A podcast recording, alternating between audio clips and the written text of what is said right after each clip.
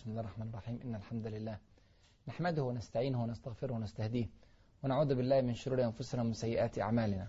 إنه من يهده الله فلا مضل له ومن يضلل فلا هادي له وأشهد أن لا إله إلا الله وحده لا شريك له وأشهد أن محمدا عبده ورسوله. أما بعد فأهلا ومرحبا بكم في هذا اللقاء المبارك وأسأل الله عز وجل أن يجعل هذه اللحظات في ميزان حسناتنا أجمعين.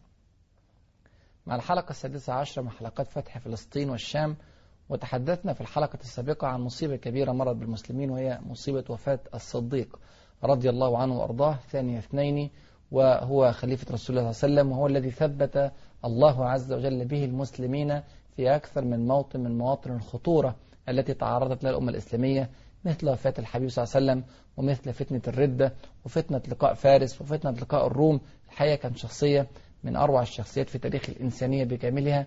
ويكفي أنه خير من وطئ الأرض بعد الأنبياء رضي الله عنه وأرضاه. ثم تولى عمر بن الخطاب أمر المسلمين ورأينا القرارات التي اتخذها عمر بن الخطاب في بداية حكمه وكان أهم هذه القرارات قرار بإنفاذ الجيوش والبعوث إلى العراق لنجدة المسلمين هناك.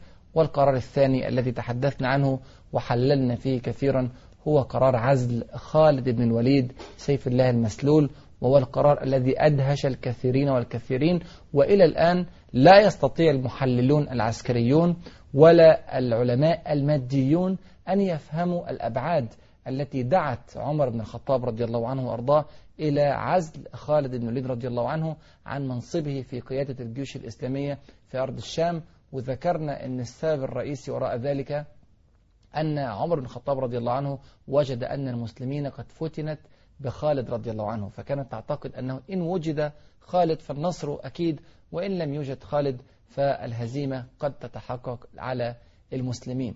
لذلك أراد عمر الخطاب أن يعزل خالدا ليثبت للمسلمين أن الناصر هو الله عز وجل وأن الله عز وجل إذا أراد للمسلمين أن ينتصروا بخالد أو بغيره فسيتحقق هذا النصر ولذلك عزل خالد ليحفظ عقيدة المسلمين. الدنيا يا إخواني ما كانت تسوي شيئا في عمر في عين عمر بن الخطاب أبدا. خلي بالنا لو هو يطلب الدنيا خالد يحقق له الدنيا. وليس هناك تنافس بين الطرفين. يعني عمر هو عمر عمر بن الخطاب وهو خليفة المسلمين وهو أعلى رأس في الدولة. كل نصر يحققه خالد يضاف إلى رصيد عمر من الاتساعات ومن الأراضي ومن الإمبراطورية الكبرى ومن الأموال والغنائم. لكن هذا كله ما كان ينظر إليه عمر بن الخطاب. عمر بن الخطاب دخل على رسولنا صلى الله عليه وسلم فوجده ينام على حصير. وقد علم الحصير في كتفيه صلى الله عليه وسلم فبكى عمر رضي الله عنه وأرضاه وقال يا رسول الله صلى الله عليه وسلم هل تنام على هذه الهيئة وكسرى وقيصر يتنعمون في الحرير وفي قصورهم؟ فقال رسول الله صلى الله عليه وسلم يا عمر مالي والدنيا مالي والدنيا ما أنا إلا كراكب في ظل شجرة كراكب في الصحراء في ظل شجرة استظل بها ثم تركها وراح. يعني فترة قصيرة جدا أعيشها في هذه الدنيا. راكب في ظل شجرة راكب مسافر في الصحراء استظل بظل شجرة فترة بسيطة جدا فترة المسافر الذي يستريح في سفره ثم راح وتركها. هذه نظرة الحبيب صلى الله عليه وسلم للدنيا وهي التي ورثها عمر بن الخطاب والصحابة رضي الله عنهم وأرضاهم. وقفنا عند هذا الموقف يا ترى رد فعل المسلمين لهذا القرار الكبير جدا هيكون إيه؟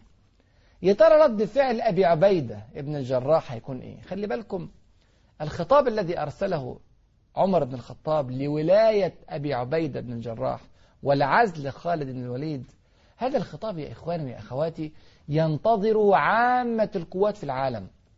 أي قائد في الدنيا ينتظر مثل هذا الخطاب. هذا خطاب تعيين وزير حربية لدولة منتصرة محققة أمجاد كثيرة جدا في أرض الشام. دولة أصبحت الآن تدك عروش الروم في أرض الشام. يعني مش بياخد أزمة أو مشكلة بياخد جيوش منتصرة لسه خارجين من انتصار أجندين وانتصار بصرة وانتصار مرج الصفر. هذه انتصارات متتالية. ويتسلم القيادة أبو عبيدة ابن الجراح. هذا ما يحلم به أي إنسان أو أي إنسان يطمع في قيادة. لكن ماذا فعل الأمين أبو, أبو عبيدة ابن الجراح رضي الله عنه وأرضاه؟ قال لمعاذ رضي الله عنه وكان معاذ دائم الملازمة لأبي عبيدة بن الجراح. قال له إن أمير المؤمنين عمر بن الخطاب الآن إن أمير المؤمنين لم يأمرنا أن نخبر الناس بوفاة الصديق فلننتظر حتى يأتينا أمر بذلك وأخفى الخطاب. لم يذكر للناس أصلا أن الصديق مات وأن عمر بن الخطاب قد تولى إمارة المؤمنين وأن خالد بن الوليد قد عزل وأن أبا عبيدة أصبح الأمير على كل الجيوش وظل يعمل تحت إمرة خالد بن الوليد رضي الله عنه وأرضاه. ما يريد الإمارة؟ هذا هو الأمين أبو عبيدة رضي الله عنه وأرضاه. عمر بن الخطاب كأنه شعر من كلام يرفع, يرفع مولى عمر الذي حمل الرسالة إلى أبي عبيدة. كأنه شعر من كلامه أن أبا عبيدة سيتلكأ في تسليم القيادة إلى خالد بن الوليد. وهو يعلم أبا عبيدة ويعلم الزهد الذي في قلبه ويعلم كراهية أبي عبيدة لقضية الإمارة. وكان عمر بن الخطاب يقول لو تمنيت لتمنيت بيتا فيه رجال أمثال أبي عبيدة ابن الجراح رضي الله عنه وأرضاه. فماذا فعل عمر؟ أرسل رسالة ثانية. قال فيها لأبي عبيدة قد وليتك يا أبا عبيدة أمور المسلمين فلا تستحي فإن الله عز وجل لا يستحي من الحق وإني أوصيك بتقوى الله الذي أخرجك من الكفر إلى الإيمان ومن الضلال إلى الهدى وقد استعملتك تصريحا وقد استعملتك على جند خالد فاقبض جنده واعزله عن إمارته. ثم قال له وابثث سراياك هنا وهناك. وبدأ يذكر لا يذكر له قصص يعني عسكرية أو أمور عسكرية أن يرسل سرايا إلى حمص وسرايا إلى كذا وكأنه خلاص انتهى الأمر وأصبح هو أمير الجيوش. ثم قال واستبق من تحتاج إلى مشورته وليكن ممن استبقيت خالد بن الوليد رضي الله عنه وأرضاه. خالد بن الوليد يعني برضه عمر بن الخطاب رضي الله عنه يعلم قيمة خالد. وكما وكان كما يقول لم أعزله عن سخطة ولا خيانة. أنا أعلم أنه قدير وأنه من المجاهدين الأبرار وأنه سيف الله المسلول وأنه وأنه وأنه لكن أخشى أن يفتن الناس به. لكن مع ذلك لا يريد, لا يريد أن يضيع جيوش المسلمين. فيقول لأبي عبيدة احتفظ إلى جوارك بخالد بن الوليد رضي الله عنه وأرضاه. ماذا يفعل أبو عبيدة بعد الرسالة الثانية؟ جمع أصحابه جمع معاذ وبعض الأصحاب واحتار ماذا يفعل. وتسرب الخبر. ووصل إلى خالد بن الوليد رضي الله عنه وأرضاه. لم يبلغه أبو عبيدة ولكن وصله عن طريق بعض الأصحاب. وجاء خالد بن الوليد مسرعا غاضبا يلوم أبا عبيدة. يا ترى بيلومه على إيه؟ ويا ترى زعلان ليه؟ وغضبان ليه؟ أيلومه على أنه قد عزل لكفاءته؟ أقال له ما ذنبي؟ ماذا فعلت؟ أي خطيئة ارتكبت؟ إنني ما فعلت إلا النصر تلو النصر. هل أعزل لكفاءتي؟ هل أعزل لقوتي؟ هل أعزل لبأسي؟ هل أعزل لأني شفيق على المسلمين؟ هل أعزل لأنني أخرجت المسلمين من أزمات وأزمات؟ ما قال كل هذا الكلام خالد بن الوليد؟ هذا سيف الله يا إخواني. ما قال هذه الكلمات؟ إذا لماذا غضب؟ قال يا أبا عبيدة أيأتيك أو أتأتيك الولاية من أمير المؤمنين وتصلي خلفي والسلطان سلطانك؟ لماذا لم تخبرني من أول يوم؟ لماذا؟ هل تظن أنني أحب الإمارة؟ هل تظن أنني ما أقاتل إلا لأنني قائد من قواد المسلمين؟ سلم في منتهى البساطة الإمارة لأبي عبيدة بن الجراح ولسان حاله يقول ما علي أن أقاتل جنديا أو قائدا ما دام هذا القتال في سبيل الله عز وجل. أبو عبيدة بن الجراح انزعج بشدة عندما رأى خالد بن الوليد في هذه الحالة. ورق له بشدة. وقال له والله قد كنت أخبرك لكني ما كنت أكثر عليك حربك. ما كنت أكثر عليك حربك. أنت الآن منتصر. ما كنت أستطيع أن أعزلك عن هذا النصر وأنت في حالة النصر. ثم قال وما سلطان الدنيا يا خالد أريد؟ وما للدنيا نعمل؟ وإنما ترى هذا إلى زوال وانقطاع. خالد يفهم هذا جيدا. خالد ما قاتل أبدا للدنيا يا إخواني. وإلا ما نصره ربنا سبحانه وتعالى. نحن نعلم علما يقينيا أن النصر من عند الله عز وجل. والله عز وجل لا ينزل نصره إلا على الصادقين. وإذا أنزل نصره المرة تلو المرة على سيف الله خالد بن الوليد فهذا أكبر دليل على صدق نيته وعلى قوة عزيمته وعلى صدق إخلاصه لله عز وجل. لكن أبو عبيدة بن الجراح بيلفت أنظار المسلمين إلى المعنى الدقيق للإمارة. ما للدنيا نعمل وما سلطان الدنيا نريد وإنما ترى إلى زوال وانقطاع وإنما نحن يا خالد إخوان وقوام في سبيل الله. بل إن الوالي أدنى إلى الفتنة وأوقعهما إلى الخطيئة إلا ما رحم الله عز وجل وقليل ما هم. أنا ما أريد أن أكون واليا. ما أريد أن أكون حاكما ما أريد أن أكون قائدا. القائد في الفتنة والحاكم في فتنة وأنا لا أريد أن أتعرض لهذه الفتنة بل أريد أن أقاتل جنديا في سبيل الله لولا أن أمرني عمر بن الخطاب رضي الله عنه وأرضاه. خالد يا إخواني قيمة كبيرة جدا. سنتعرف على بعض خصائصه الأخرى بعد الفاصل. فابقوا معنا.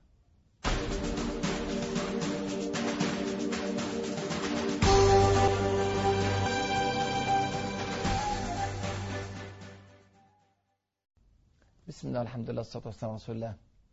كنا قبل الفاصل نتحدث عن رد فعل خالد بن الوليد رضي الله عنه لقضية العزل ورد فعل أبي عبيدة بن الجراح رضي الله عنه وأرضاه. وذكرنا الكلمات الرقيقة التي قالها أبو عبيدة وهو يهون أمر القيادة وأمر الإمارة. يا إخواننا في الإسلام الإمارة ليست تشريفا وتكريما إنما الإمارة مسؤولية.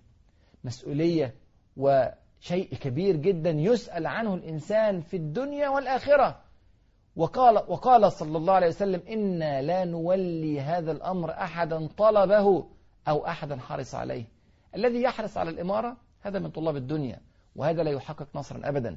والذي يحرص على الآخرة يزهد في الإمارة ولا يأخذ الإمارة إلا إذا فرضت عليه فرضا. يهرب منها. كما يهرب منها أبو عبيدة بن جراح وكما يسلمها خالد بن الوليد رضي الله عنه وأرضاه في منتهى البساطة. عارفين أبو عبيدة عمل إيه بعد ما خد الإمارة؟ عارفين أول كلمات قالها للجيش الإسلامي كانت إيه؟ وقف على الجيش الإسلامي وقال أيها الناس سمعت رسول الله صلى الله عليه وسلم يقول خالد نعم فتى العشيرة. خالد سيف من سيوف الله. انظروا إلى الكلمات.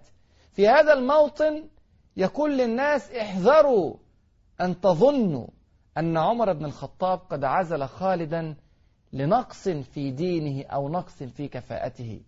سمعت الحبيب صلى الله عليه وسلم وهو من هو هو المتابع بالوحي ما ينطق عن الهوى. سمعته يقول خالد سيف من سيوف الله نعم فتى العشيرة خالد. يقول هذا الكلام في هذا الموطن معظم القادة الذين يتولون أمور الناس الآن يطعنون في من سبق يذكرون عيوبهم ونقائصهم ليرفع ذلك من قيمتهم هم. أما أبو عبيدة رضي الله عنه وأرضاه الأمين فيشكر في القائد الذي سبقه ويعظم من قيمته ويرفع من قدره ويعلي من شأنه حتى لا يظن به أحد المسلمين ظنا من الظنون. وقف خالد بن الوليد رضي الله عنه بعد هذه الكلمات. وسلم الإمارة في منتهى البساطة. يسلم إمارة قطاع الشام. يسلم إمارة الأردن وفلسطين وسوريا ولبنان في منتهى البساطة. وكأنه يتنازل عن إمارة رجلين أو ثلاثة. يتنازل عن إمارة أربع دول من دول زماننا الآن. انظروا يا إخواني الدنيا لا تساوي شيئا في قلبه. بعد هذه الكلمات التي سمعها من أبي عبيدة قام وقال أيها الناس يخاطب الجيوش التي شاهدت نصره. يخاطب الجيوش التي عاشت معه أسعد لحظاتها بعد أن جاء من العراق لينجد المسلمين ويخرج المسلمين من أزمة كبيرة كانوا يمرون بها. يخاطب الناس ويقول لهم أيها الناس أبشروا أبشروا ولي عليكم أمين هذه الأمة. سمعت رسول الله صلى الله عليه وسلم يقوله إيه اللي بنسمعه ده يا إخوانا ما هذا الذي نسمعه في تاريخنا؟ هؤلاء هم العظماء حقا. هذا يشكر في خالد وهذا يشكر في أبي عبيدة ويتناوبون الإمارة بمنتهى البساطة.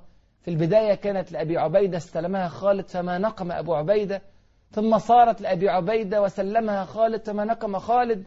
ليس للدنيا ذرة في قلوبهم. خلصت نفوسهم من حظ نفوسهم فدانت لهم الدنيا وسادوا العالمين. هكذا كانت الجيوش الإسلامية التي فتحت الشام وفتحت العراق وفتحت الدنيا بكاملها ويوم يعود المسلمون إلى هذه الحالة التي كانت عليها هؤلاء العظماء سيسودون الدنيا من جديد لا محالة. سنة الله عز وجل فلن تجد لسنة الله تبديلا ولن تجد لسنة الله تحويلا. خالد بن الوليد إخواني جمع في حياته غنائم شتى. فماذا ترك بعد موته؟ لم يترك بعد موته إلا فرسا وسلاحا ودرعا فقط. وعدة دراهم معدودات. دراهم معدودات. أين ذهبت كل هذه الأموال؟ كان كريما واسع الكرم. كان ينفق يمينا وشمالا يعطي عطاء من لا يخشى الفقر. تلميذ الحبيب صلى الله عليه وسلم كان يعطي عطاء كثيرا لم يتبقى له عند موته إلا الفرس والسلاح والدرع. فقال اجعلوها عدة في سبيل الله. سلموها لعمر بن الخطاب ليجعلها عدة في سبيل الله لكن من يركب خيلك يا خالد؟ ومن يحمل سيفك يا خالد؟ هذا خالد بن الوليد سيف الله المسلول. هذا الرجل الذي كان يستمتع حقيقة بالجهاد في سبيل الله كان يقول ما ليلة تزف إلي فيها عروس أو أبشر فيها بغلام. بأحب عندي من ليلة شديدة البرد شديدة الجليد في سرية من المهاجرين. أصبح بهم أعداء الله. انظروا هذه أسعد ليالي خالد بن الوليد رضي الله عنه. لا يسعد بليلة زفاف ولا يسعد بليلة تبشير بغلام بقدر سعادته بليلة صعبة شديدة البرد شديدة الجليد في سرية بسيطة ضعيفة من سرايا المهاجرين في سرية من المهاجرين أصبح بهم أعداء الله. يقول خالد بن الوليد رضي الله عنه وأرضاه لقد طلبت القتل في مظانه في كل مكان يحتمل أن يكون هناك قتل ذهبت إليه. لقد طلبت القتل في مظانه في فتح مكة في مؤتة في حروب الردة في حروب فارس الكثيرة في حروب الروم في كل مكان. لقد طلبت القتل في مظانه. وما عندي عمل أرجى عند الله عز وجل بعد التوحيد من ليلة بتها وأنا متترس خلف درعي والسماء تهلني المطر شديد أنتظر الصباح حتى أصبح أعداء أعداء الله. انظروا يا إخواني هذه قيمة خالد في التاريخ. هذه أسعد لحظاته كان يبحث عن الموت في كل مكان. كان يبحث عن القتل في كل مكان. أتظنون أن خالد لم يكن يشعر بالألم إذا ضرب؟ لا والله كان يشعر بالألم. يقول رضي الله عنه وأرضاه ما في جسدي من موضع إلا وفيه ضربة بسيف أو رمية بسهم أو طعنة برمح مزق جسده في سبيل الله. كان يشعر بالألم لكنه كان يعلم أن الألم مكتوب على بني آدم. أن كل الناس سيشعرون بالآلام ولكن في أي شيء تألم؟ منهم من يألم في سبيل الله ومنهم من يألم في الصد عن سبيل الله ومنهم من يألم في اللهو ومنهم من يلعب في اللعب إن تكونوا تألمون فإنهم يألمون كما تألمون وترجون من الله ما لا يرجون. لذلك أراد خالد بن الوليد رضي الله عنه وأرضاه أن يجعل ألمه كله لله عز وجل فما نقص على عقبيه أبدا وما ترك ساحة الجهاد أبدا. قائدا كان أو جنديا أتظنونه بعد أن عزل عن القيادة ترك أرض القتال؟ أتظنونه بعد أن عزل عن القيادة عاد إلى المدينة المنورة عاد إلى أهله عاد إلى أسرته؟ أتظنونه ترك ساحة الشام وذهب إلى العراق؟ أتظنونه يفعل ما يشاء؟ بل أصبح جنديا مطيعا لأبي عبيدة ولعمر بن الخطاب الذي عزله من فوقه. أصبح طائعا في كل مكان يذهب إليه وما تخلى أبدا أبدا عن نصح المسلمين. وما تخلى عن إرشاد المسلمين وما تخلى عن القتال مع المسلمين. ما قال فلأترك المسلمين ليعرفوا قيمتي ليعرفوا قدري ليعرفوا أنهم سيقعون في أزمات بعدي. بل كان حريصا عليهم شفيقا عليهم. هذا هو خالد بن الوليد النموذج. نريد قائدا كخالد بن الوليد رضي الله عنه وأرضاه. والله يا إخواني ما أكثر القوات في تاريخ الأمة الذين هم على شاكلة خالد بن الوليد رضي الله عنه وأرضاه ولا يتحقق النصر إلا بهم. راجعوا قصة صلاح الدين الأيوبي. راجعوا قصة عماد الدين زنكي. راجعوا قصة قطز رحمه الله. راجعوا قصة محمد الفاتح. راجعوا قصة قلب أرسلان. قصة طارق بن زياد. قصة يوسف بن تشفين. قصة هؤلاء العمالقة. وقصة الصحابة الكرام الكثر الذين قاتلوا في المشرق والمغرب كلهم كان على هذه الهيئة. لا تمثل الدنيا في قلبي مثقال ذرة. يعمل مخلصا لله عز وجل. يعمل قائدا أو جنديا. لا ينظر إلى الإمارة. يطيع من فوقه وإن كان أقل منه في القوة وأقل منه في القيادة وأقل منه في العبقرية العسكرية. طائعا لله عز وجل. قائما بالليل. قارئا للقرآن. ذاكرا لله. خاشعا لله. منيبا لله. تائبا لله.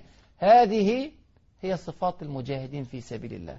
لو خرجنا يا إخواني من كل هذه الحلقات من الثلاثين حلقة بهذا الدرس أن الذي ينتصر هو الذي يرتبط بالله عز وجل ولا ينظر إلى الدنيا ولا ينظر إلى إمارة ولا إلى مال ولا إلى سلطان فكفى به درس. هذا الدرس والله هو الذي يحرر فلسطين وهو الذي يعيد أمجاد المسلمين للمسلمين وهو الذي يعيد للمسلمين السيادة والتمكين في ربوع الدنيا. يا إخواني هذه سنن سنن ثابتة فلن تجد لسنة الله تبديلا ولن تجد لسنة, لسنة الله تحويلا. في اللحظات الأخيرة لحياة خالد بن الوليد رضي الله عنه. طبعا إحنا إن شاء الله سنكمل مسيرتنا مع خالد في فتوح الشام لكن أذكر هذا الموقف لتعرفوا قيمة خالد وهو على فراش الموت. عندما قال هذه الكلمات وقال ما في جسدي من موضع إلا وفيه ضربة بسيف أو طعنة برمح أو رمية بسهم ثم أنا ذا أموت على فراشي كما يموت البعير حتف أنفه فلا نامت أعين الجبناء ويبكي. يبكي بحرقة لأنه لم يمت شهيدا في أرض القتال. رجل يحب الموت كما يحب أعداؤه الحياة ولذلك كان ينتصر ويحقق النصر. إذا أحببنا الموت في سبيل الله حب خالد بن الوليد رضي الله عنه وأرضاه للموت فإننا والله لا نهزم أبدا. هذا الجيش منصور وهذا الرجل منصور وكل من كان على شاكلته منصور دخل عليه عبد الله بن عباس رضي الله عنهما وهو على فراش الموت. وقال له كلمة أزعجت خالد جدا وخاف منها. قال له يا خالد والله لقد علمت أنك لا تقتل في أرض الجهاد. فانزعج خالد وقال ولماذا؟ أو شك في عقيدتي أو ديني؟ فقال عبد الله بن عباس كلمة عظيمة أثلجت صدر خالد وأثلجت صدر المؤمنين الذين أحبوا خالدا. قال أنت سيف الله وسيف الله لا يكسر. لا يأتي رجل ويقول قتلت سيف الله فأراد الله عز وجل أن تأخذ أجر الشهادة وأنت تنام على فراشك. رحم الله خالد بن الوليد. ورضي الله عن الصحابة رضي الله عنهم أجمعين. ويا ترى ماذا حدث للمسلمين بعد عزل خالد بن الوليد وبعد ولاية أبي عبيدة بن الجراح؟ وماذا فعل الرومان نتيجة هذا التغير العسكري الخطير في الجيش الإسلامي؟ هذا ما سنعرفه في الحلقة القادمة. أسأل الله عز وجل أن يفقهنا في سننه وأن يعلمنا ما ينفعنا وأن ينفعنا بما علمنا. إنه ولي ذلك والقادر عليه. والسلام عليكم ورحمة الله وبركاته.